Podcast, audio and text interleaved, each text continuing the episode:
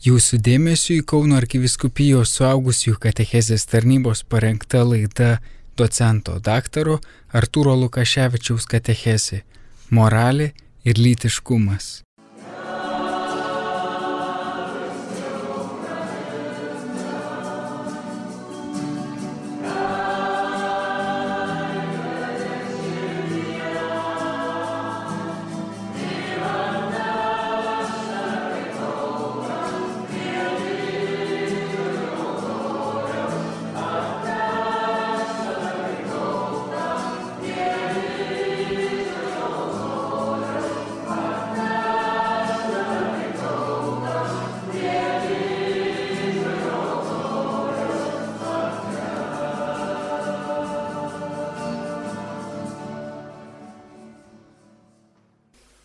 Žvelgiame toliau į krikščioniškąją moralę. Ir primenu jums, kad ir savo pačiam, kad visą laiką kalbėdami ar galvodami, mąstydami apie krikščionybę prisimintume, Dievo planas žmogui yra laimė. Ir viskas, ką Dievas mums sako, yra mūsų laimė. Tikslas žmogaus laimė. Kamegi yra ta laimė? Ta laimė yra bendrystėje. Kad ir ką žmogus begalvotų, kad ir ką jisai besakytų, tuo klausimu kiekvieno žmogaus, koks jis bebūtų laimė, yra bendrystėje. Tik tai daug žmonių to nežino ir ieško tos laimės kažkur tai kitur. Bet kitur jos nėra. O tą bendrystę žmogus gali prarasti ir praranda tuo vienu būdu. Tai tas giluminis posūkis, giluminis nusigrėžimas, kurį krikščionys vadina nuodėme. Tai yra atsigrėžimas į save egoizmas. Tai yra tos bendrystės praradimas, žvilgsnio nukreipimas nuo kito į save. Tai ir yra nuodėmės, bet kurios nuodėmės esmė. Kaip tą bendrystę atstatyti? Ar yra įmanoma žmogų sutaisyti? Taip, yra įmanoma, bet pats žmogus savo jėgomis to padaryti negali. Reikalinga pagalba kito, stipresnio už mūsų nuodėmę už tą blogį, į kurį papuolė ir reikalingas Dievo įsikišimas. Ir Dievas ateina į šią žemę tam, kad išgelbėtų žmogų. Tai, ką kalbėjome pirmuosius du mėnesius katechomenatė ir buvo ta esminė žinia apie Dievą atėjusi gelbėti žmogų ir kaip tai viskas vyko, kiek tai jam kainavo.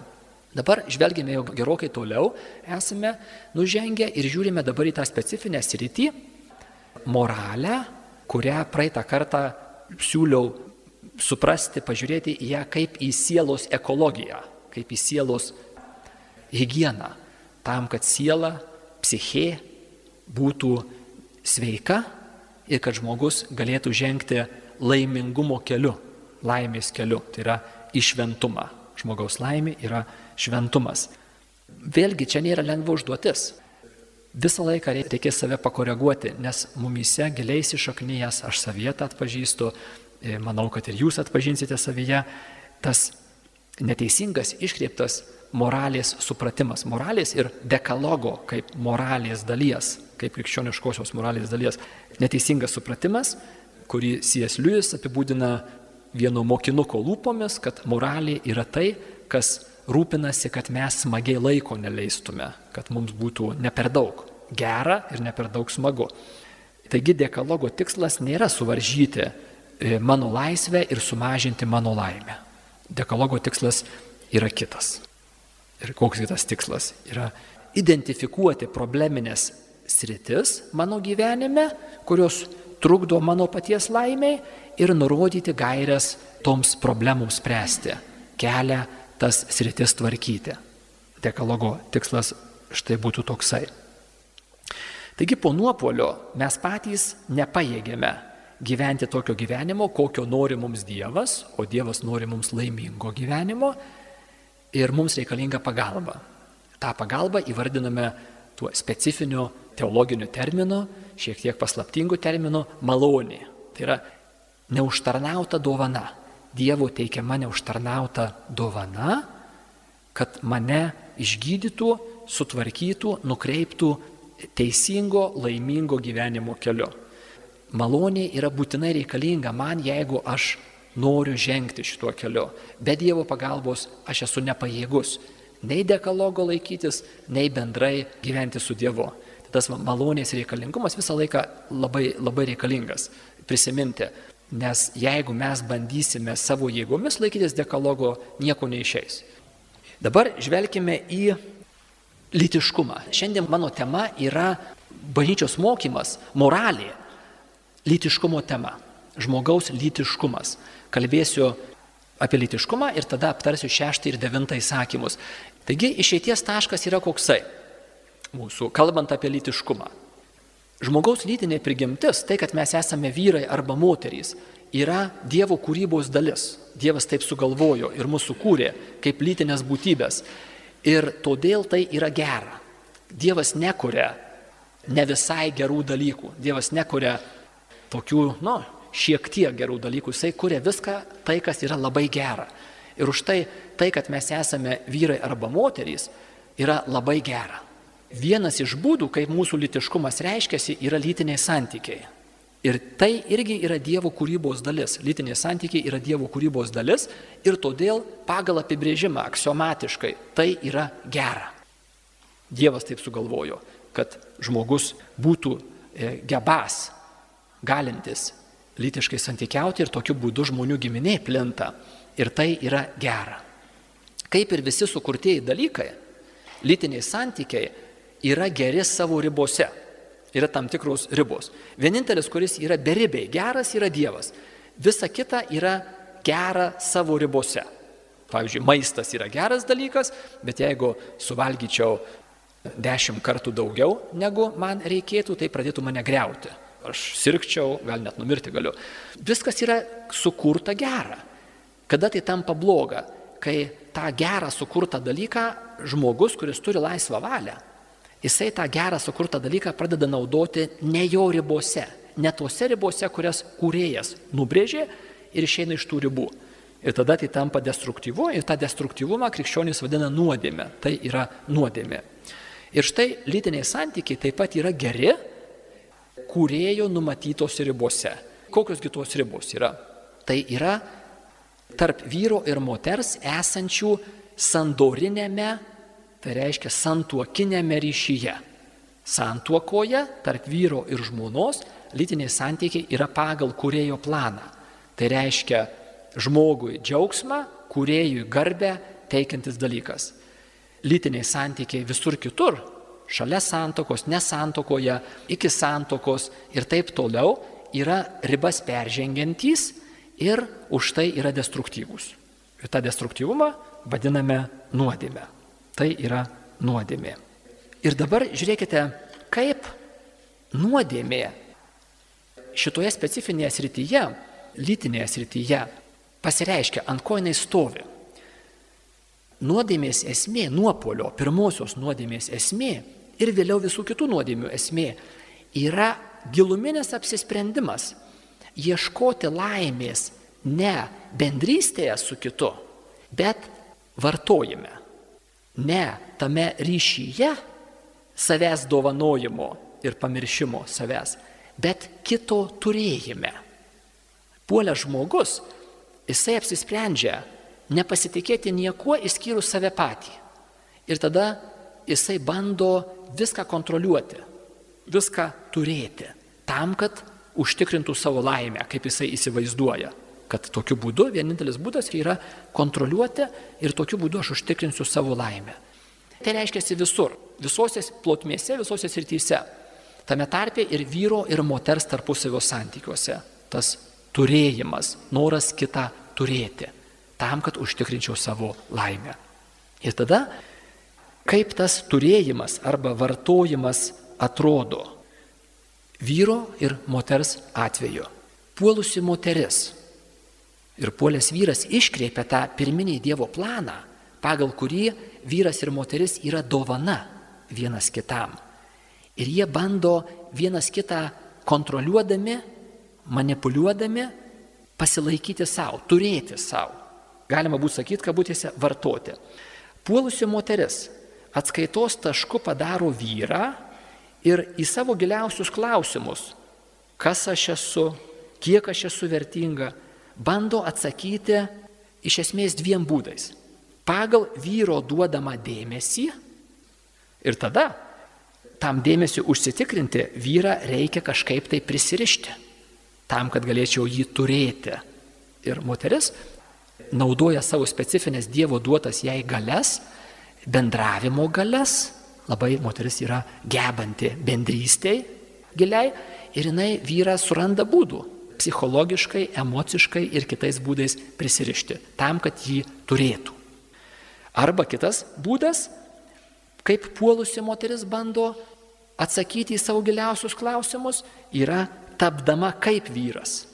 Tas vadinamasis feminizmas, tiek vakarų feminizmas, kurį mes turime šiandien besiveržiant į Lietuvą, ne ta stipri moteris, kuri tampa kaip vyras, jinai tampa pajėgi, jinai save aprūpina, jai nereikia kito, prie kurio jinai galėtų kito, kuris yra stiprus ir geras, prie kurio jinai galėtų su pasitikėjimu glaustis. Jinai pati tampa stipri. Jinai pati apsirūpina ir finansiškai, ir emociškai, ir visais kitais būdais. Ir taip pat turime tą rytų feminizmą, komunistinį feminizmą, moteris su vatovke, kuri tempia visą kolhozą ir girtą vyrą ant savo pečių nors palinkusių, bet tvirtų. Visa ta mūsų kelių dešimtmečių praeitis būtų iš esmės tas pats. Iš esmės tas pats moteriškumo iškreipimas, kur moteris praranda, yra priverčiama išduoti savo giliausią moteriškumą ir yra nukreipiama ieškoti savo svarbiausių atsakymų, tapdama kaip vyras. Būsi kaip vyras, tada būsi saugi, bus gerai. Puolęs vyras tuo tarpu moterį nori turėti seksualiai, šalia kitų savo turimų vertingų daiktų. Geros mašinos nu, ir vardinkit toliau, kiekvienam pagal jo polinkius. Ir jisai irgi nori turėti savo sąraše taip pat ir moterį. Bet tai yra ne tas, kam Dievas yra sukūręs vyrą ir moterį, skirtingų lyčių. Ir paradoksas netgi tokiam visai būtiniam lygmenį pastebime, kad kai tiek vienam, tiek kitam pavyksta, tiek moteriai pavyksta turėti vyrą psichologiškai, tiek vyrui pavyksta galutinai turėti moterį seksualiai, jie dažniausiai vienas kitų pasibūdi. Nes negauna to, ko tikėjusi. Jiegi tikėjusi laimės tokiu būdu. Ir laimės nėra. Ir tada, kai tu jau iki galo turi, pasidaro nuobodu. Ir reikia ieškoti, eiti kažko tai kito, kažkur tai kitur. Vartojimo keliu žmogus laimės pasiekti negali. Ir kadangi lytiškumas yra ypač galinga žmogui duota gale, todėl po nuopolio žmogus bando labai stipriai šitą sritį eksploatuoti, tikėdamas iš čia rasti laimę. Puolė žmogus ima tai, kas jam yra po ranka, be Dievo siekdamas būti laimingas. Ir litiškumas yra viena iš labai tokių stiprių, gilių galių. Ir žmogus sako, ar tik tai ne čia yra laimė, ar tik tai ne, ne šitoj vietoje aš rasiu kelią į tą gyvybės medį, tą gyvenimo pilnatvės medį, kurio aš trokštu, tos pilnatvės. Tai čia būtų toks pagrindas tam, kad mes žvelgtume į moralę litiškumo srityje. Ir du dekalogo įsakymai, šeštas ir devintas, specifiškai yra skirti šitai lytiniai moraliai. Šeštas įsakymas labai tiesmukai vienu žodžiu sako nepaleistuvauk. Susitvarkyk savo lytiškumo sritį elge, elgesio plotmėje.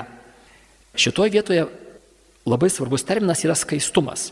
Skaistumas yra, pagalvokite, skaistumas, ar, ar norite būti skaistus. Pagalvokit, žmogus šiandieninis 21 amžiaus vakarietis, lietuvis, ar jisai nori būti skaistus. Ir labai dažnai žmogus, jeigu bus galimybė nuoširdžiai tą atsakyti, sakys, nu, gal šiek tiek, bet ne visai. Ar nėra taip, kad žodis skaistumas yra įgavęs, kaip ir beveik visos kitos darybės, įgavęs iškreiptą forma, iškreipta išraiška ir skaistumas iš esmės reiškia belytiškumą. Tai reiškia buvimą be lytinio potraukio.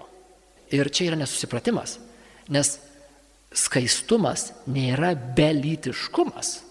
Skaistumas nėra lytinio potraukio neturėjimas.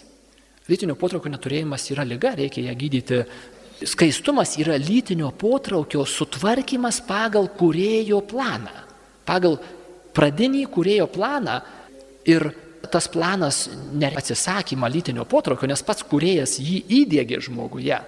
Tas potraukis yra geras ir todėl nereikia jo atsisakyti to potraukio, ar jį kažkaip tai nuslopinti, ar kažkaip tai tai net nepavyks iš tikrųjų, neįmanoma.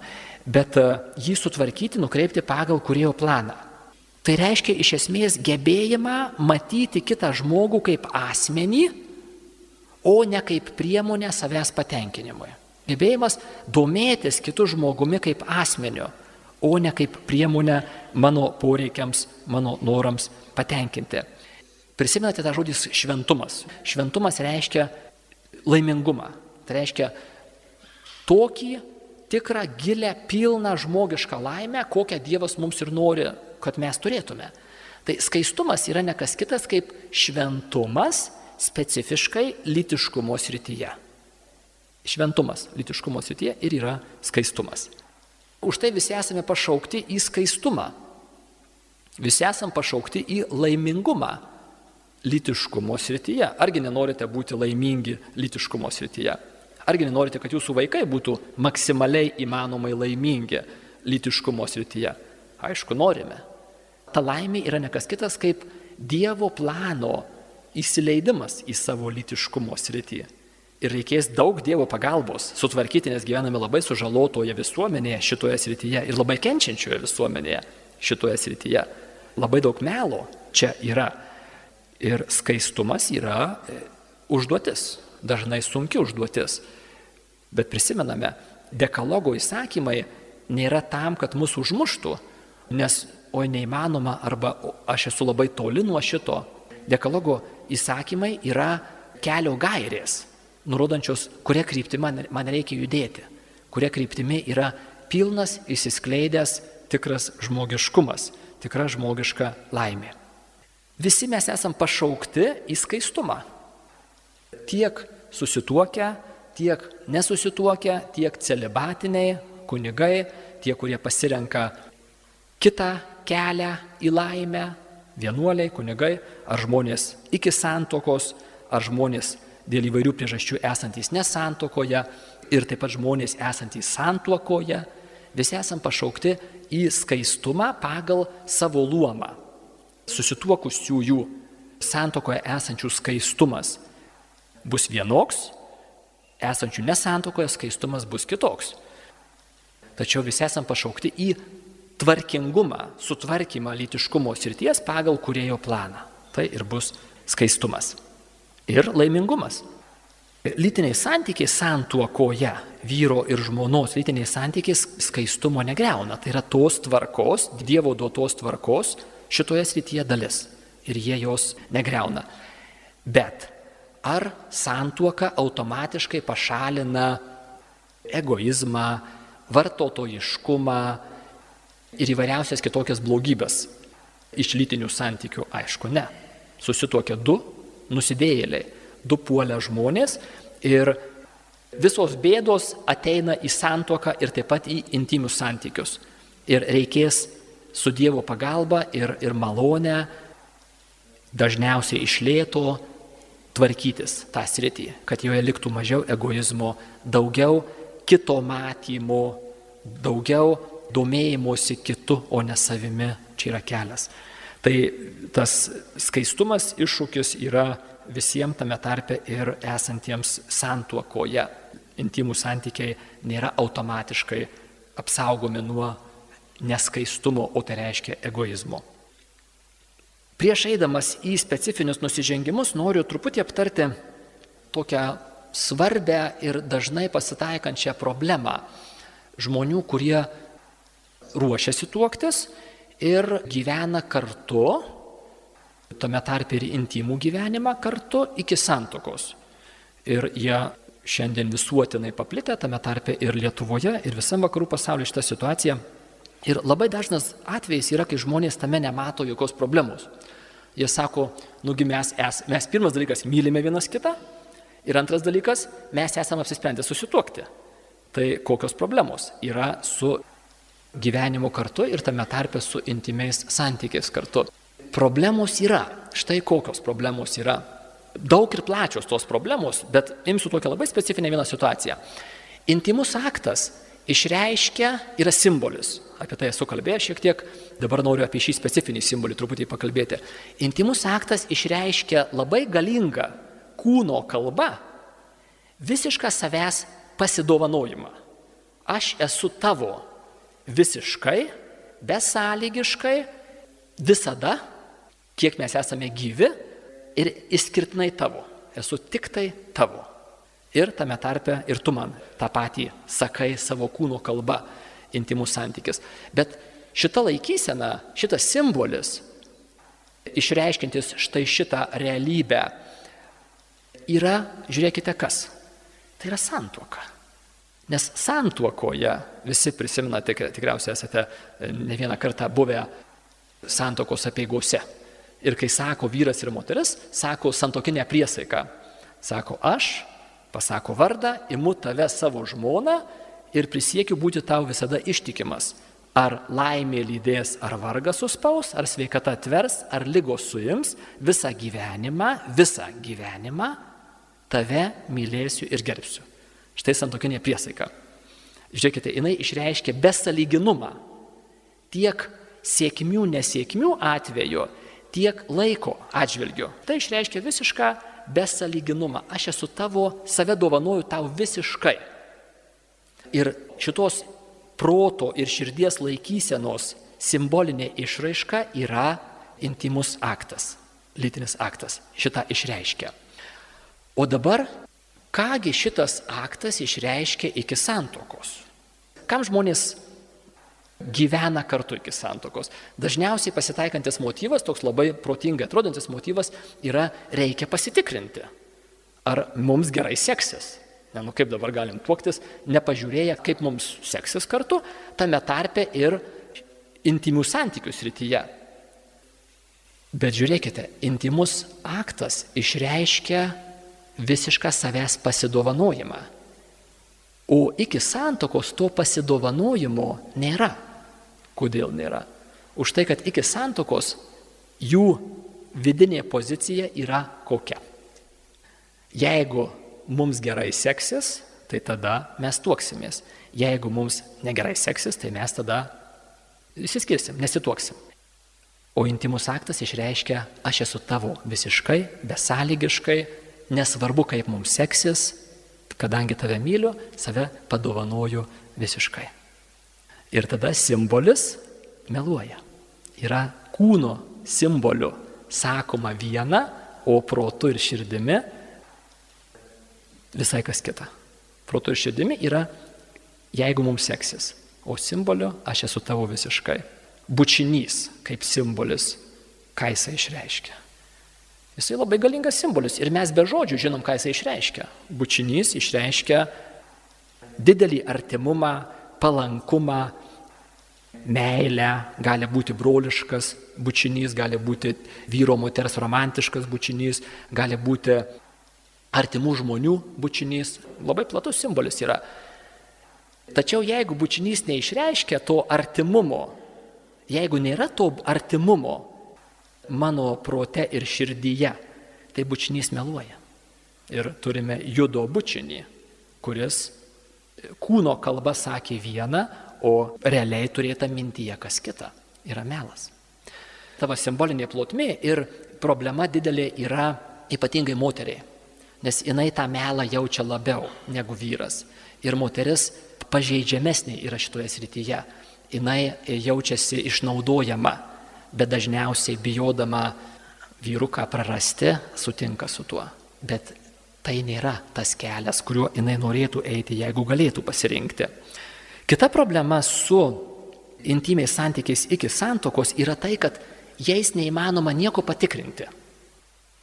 Kodėl? Ką jie nori patikrinti? Jie nori patikrinti, ar gerai seksis, nu va šitoj svarbioje srityje. Ir lyg tai visai protingas noras pagrystas, reiškia pasitikrinti mums reikėtų. Bėda yra ta, kad intimių santykių kokybę patikrinti neįmanoma, nes jinai priklauso, jinai nėra pamatinė. Intimių santykių kokybė priklauso nuo daugybės kitų veiksnių. Tiek nuo hormonų situacijos, jaunystėje e, intimų santykiai geriau būna, vėliau hormonai silpsta, prašiau būna, bet ypač intimų santykiai priklauso nuo psichologinės būklės. Jeigu vyras ir moteris jaučiasi vienas kito besąlygiškai priimti, gerbiami, ypač moteriai svarbu, kad jinai būtų gerbiama, tai bus pagrindas kokybiškiams intimiems santykiams. Ir šitie dalykai gali pasikeisti. Šiandien, žinot, vienaip yra, rytoj arba po savaitės gali būti kitaip. Vyrui yra šiek tiek kitaip. Žinote, tokių visokių anegdotų ir, ir pasakojimų, kur vyras gali susipykti su žmona, bet po dešimt minučių jisai bus pasiruošęs, jisai visai mielai eitų intimių santykių. Moteriai po dešimt minučių jie, jie reikia tą psichologinę darną atstatyti, nežinau, kelių parų reikia. Ir čia yra didžiuliai skirtumai. Ir įsivaizduokite, ar tai įmanoma, ar šitos dalykus įmanoma patikrinti. Ar yra įmanoma pasitikrinti, kaip mums seksis šitoje srityje. Tai priklauso nuo tiek daug faktorių. Po vaikų gimdymo gali pasikeisti hormoniniai stoviai ir vėl gali viskas kitaip atsistoti. Tai yra nepatikrinama. Paprasčiausiai tai yra nepatikrinama pasvarstykite tokį labai paprastą ir empiriškai patikrinamą statistinį dalyką. Žmonės, kurie iki santuokos neturėjo intimių santykių, skiriasi maždaug pusantro karto rečiau negu tie žmonės, kurie turėjo intimius santykius. Va čia man yra mislė, nežinau kaip jums. Tie, kurie intimiai santykiavo iki santokos, skiriasi maždaug pusantro karto daugia, dažniau negu tie, kurie nesantykiavo. Bet atsiprašau, taigi atrodo, kad tie, kurie pabandė, jie turėtų būti geresnėje pozicijoje, nes jie pabandė. Jie pabandė, pasitikrino, įsitikino, kad viskas gerai, sklandu ir tada pirmin. Kodėl jie skiriasi pusantro karto? Tai yra daug. 50 procentų. Dažniau negu tie, kurie atrodytų, kad yra blogesniai padėti. Jie nepabandė, jie nežinojo, pirko katę maiše. Ir kodėl jie yra geresniai padėti. Vėl yra keli tokie kriterijai, kelios atsakymo linijos, bet vieną iš jų labai noriu jums pasakyti.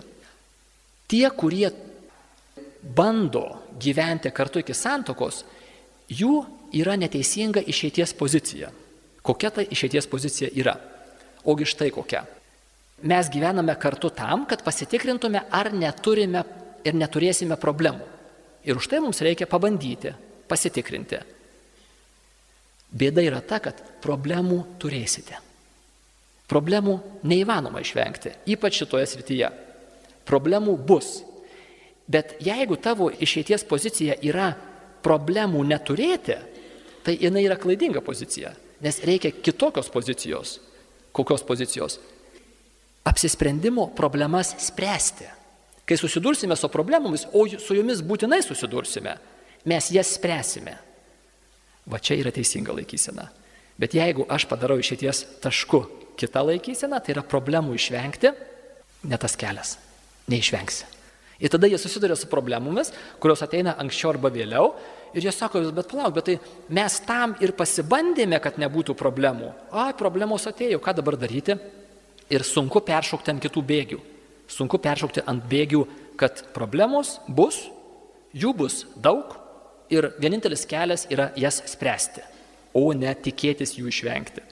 Kitas labai svarbus bruožas, vėlgi didžiai daliai čia esančių jums tai nėra tiesiogiai aktualu, bet kadangi tai yra prie 6 ir 9 įsakymų, turiu apie tai pašnekėti ir, ir ypatingai, kad jūs mokėtumėte paaiškinti kitiems, kurie klaus e, klausimų šitoje srityje.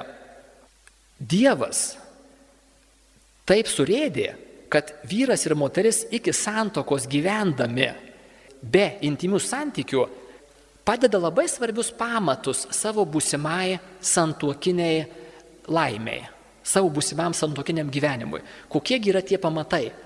Yra didelė bendrystė. Kaip vienas kuningas sakė, sako, turi turėti kuo didesnį sąlyčio paviršių vienas su kitu. Turite vienas kitu kuo labiau pažinti ir domėtis ir įsigilinti ir stengtis suprasti ir taip toliau. Ir dabar žiūrėkite, kai vyras ir moteris, jaunuolis ir mergina myli vienas kitą ir jau ruošiasi santokai, draugauja, tai yra labai labai svarbus laikas, kai jie gali vienas su kitu praleisti kartu daug laiko ir gilintis, pažinti, domėtis vienas kitu. Duosiu labai paprastą pavyzdį. Tai vėlgi ypatingai svarbu vyrui yra. Mes vyrai turime savybę įlysti į urvą, taip psichologai sako. Mes tokie įlindę į urvą esame, o moteris iš esmės yra Dievo įrankis, kad mus iš to urvo ištrauktų. Kartais taip sako, sako, nu tai kad sako, jis pareina namo, atsiverčia laikraštį ir jo nėra. Va, įlindo į urvą jisai. Arba įsijungia televizorių ir jam niekas neįdomu. Čia įlindimas į urvą. Ir dabar žiūrėkite, draugavimo laikotarpiu. Visa vyro ir moters, bet ypač vyro, visa prigimtis veržėsi prie moters. Tame tarpe ir, ir, ir seksualiai, ir fiziškai veržėsi prie moters. Ir va šitą energiją reikia išnaudoti kad jie vienas kitą kuo giliau pažintų, išmoktų bendrauti ir išreikšti jausmus, ne tik tai intimiais būdais, bet visai, visais kitais įmanomais būdais. Ir tada žiūrėkite, šituo draugavimo laikotarpiu vyras iš meilės, jaunuolis iš meilės savo merginai sutinka vaikščioti į teatrą. Šiaip jis į teatrą neitų, bet dabar jisai ją myli, o jinai nori į teatrą ir jisai pradeda vaikščioti į teatrą. Ir žiūrėk, jam pradeda patikti. Ir pat tai bus labai naudinga jų būsimoji santokoje, kad jie turėtų už tai dar šitą bendrą tokį va tašką sąlyčio.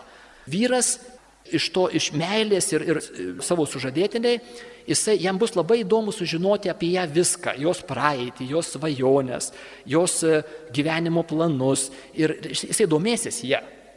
Visa fiziologija, visa gamta skatins jį domėtis. Vyras laksto po visą miestą, ieškodamas pačios gražiausios gėlių plokštės.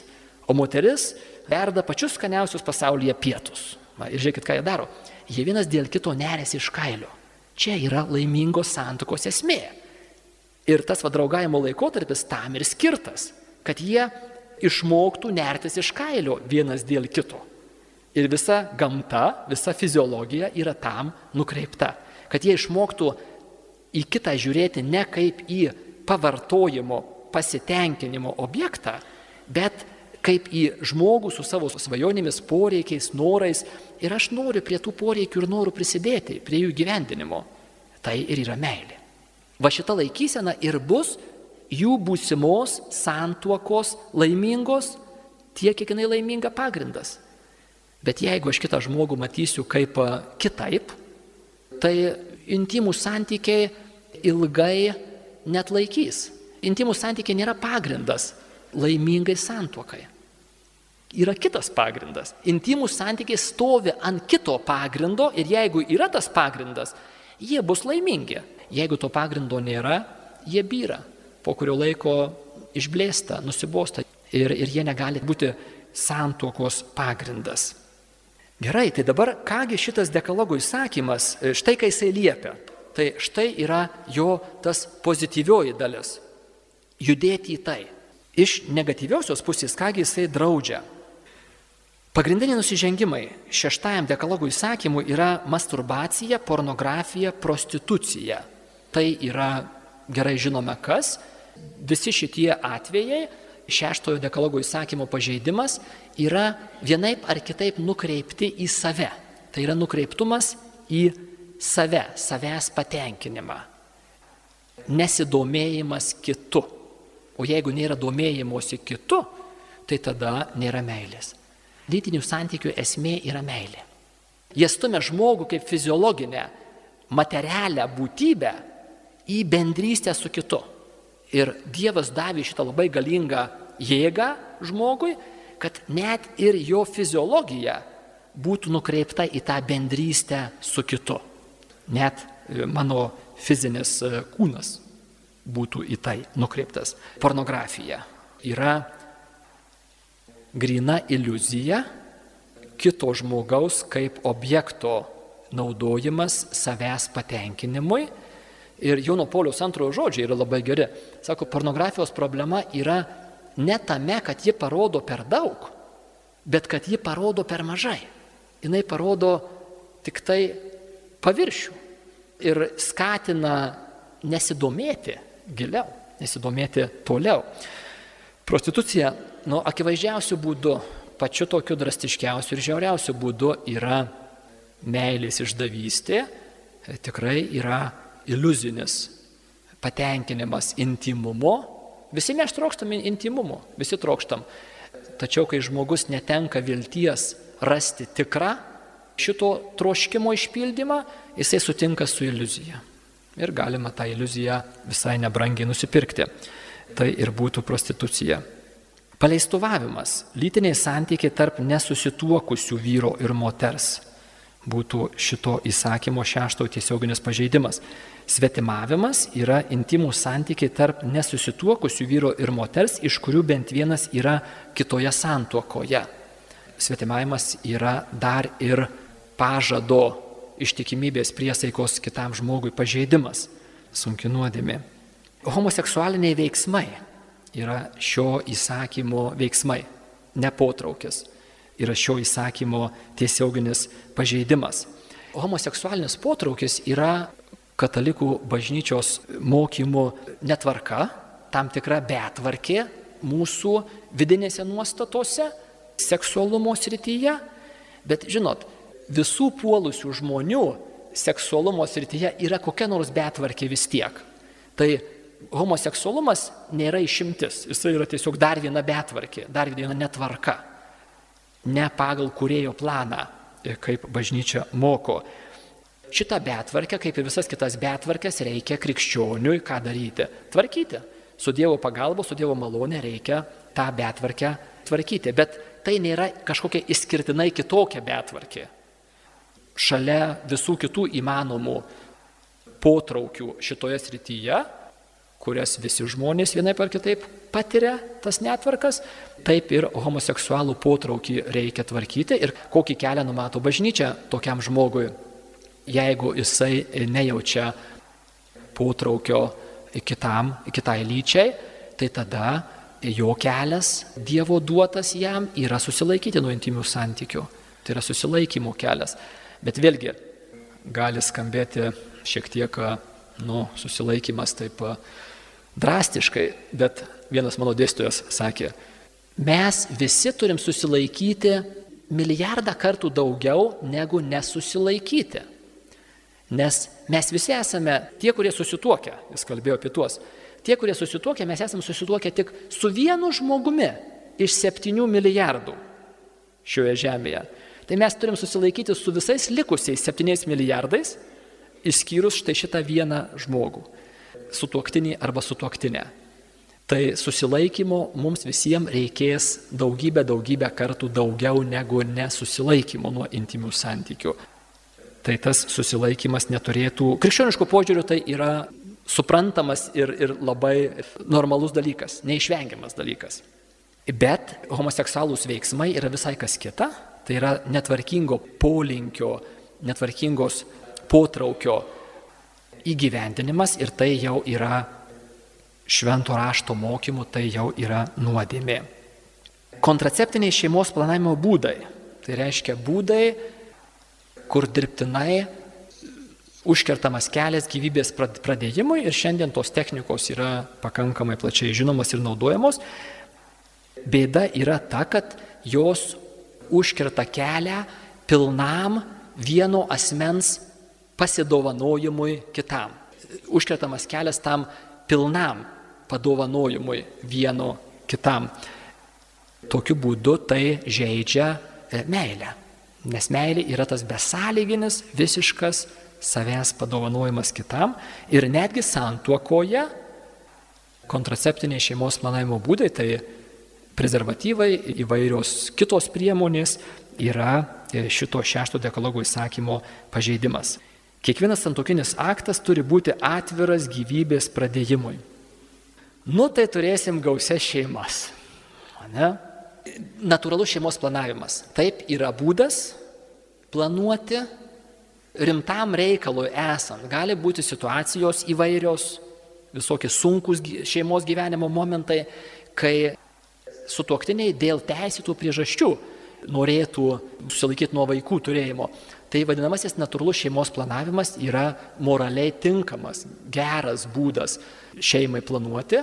Ir ypatingai vėlgi žiūrėkite, per tą susilaikymą vyras yra skatinamas nebūti mažvaikis. Žinot, kaip maži vaikai. Aš noriu čia ir dabar. Ir aš noriu ir viskas. Aš noriu. Ir jeigu negausiu, aš būsiu labai nelaimingas. Ir aš verksiu, ir aš rėksiu, ir aš trypsiu kojomis. Va, kaip maži vaikai. Jam reikia aukti. Vienas iš būdų aukti yra nukelti pasitenkinimą. Negauti to, ko norėtum. Tik brandus žmogus sugeba nukelti pasitenkinimą. Žinot, trijų metų vaikas užsimano gerti kur nors kelionėje ar, ar kur nors parduotuvėje. Ir jeigu tu jam neduosi per 15 sekundžių gerti, tai turėsi uraganą ir pasigailėsi, kad dar taip nepasirūpinai staigiai šitą poreikį patenkinti. Reikia aukti. Ir va tas va, natūralus šeimos planavimas, kuris remiasi moters e, natūraliu ciklu, jisai yra puikus būdas atšviežinti santuoką Kas mėnesį. Praktiškai tai yra kas mėnesį. Kas mėnesys pora patiria sužadėtųjų laikotarpį, kada reikia susilaikyti. Ir tada visa fiziologija juos skatina vienas kitam meilę ir švelnumą išreikšti pačiais įvairiausiais būdais - eiti į pasimatymus, eiti į teatrą, į kelionę, dovanas pirkti vienas kitam. Paskui jie išgyvena medaus mėnesį. Ir paskui tas va ciklas kartojasi. Tai yra puikus vaistas nuo nusibodimo. Nes kontraceptika padaro moterį vyrui lengvai prieinamą. Ir vienas, e, dabar neprisimenu, kuris, bet kas skaitote Juketą, jaunimo katekizmą rasite, labai gera mintis jam. Viskas, kas padaro lytinį aktą lengvai prieinamu, tuo pačiu jį padaro ir visai nereikšmingu. Argi netiesa. Devintas įsakymas - negeisk svetimo vyro ir svetimos moters. Jisai yra susijęs su vidinė nuostata to, kas šeštajame įsakyme išsireiškia netvarkingais veiksmais. Tai reiškia, netvarka mūsų viduje, prote ir širdyje turi būti taip pat kontroliuojama, turi būti tvarkoma. Geismas kaip vidinė nuostata, kaip minties, vaizduotės problema turi būti irgi tvarkoma. Ir va šitoje vietoje mes matome pornografijos problemą. Kartais žmonės kažkaip tai net neįvertina pornografijos, ar tai būtų spausdinta medžiaga, ar tai būtų e, filmuota medžiaga. E, didžiulė problema - tiesioginis dekalogo įsakymo pažeidimas, nes pornografija skatina mane geisti tos, kuri tikrai nėra mano žmona.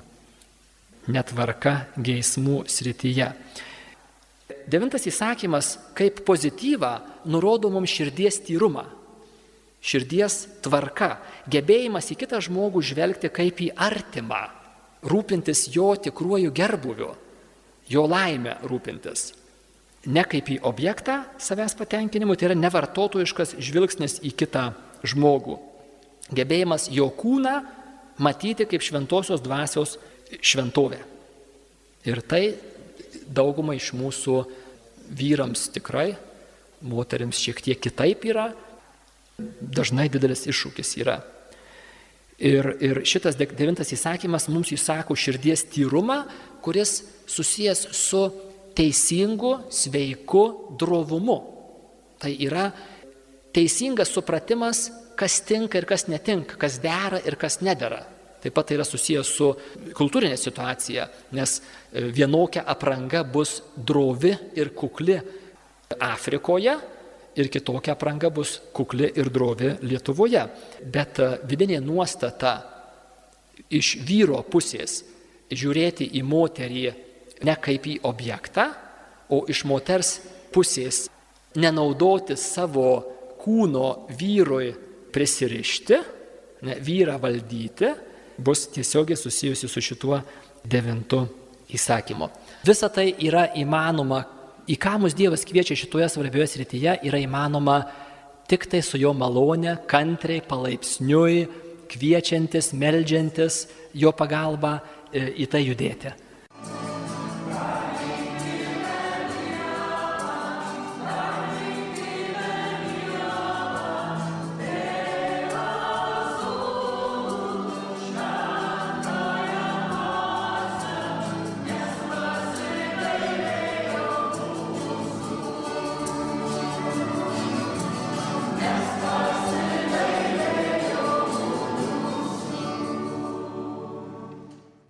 Girdėjome Kauno arkiviskupijos suaugusiųjų katechezės tarnybos parengtą laidą docento daktaro Artūro Lukaševičiaus katechezę Moralė ir lytiškumas.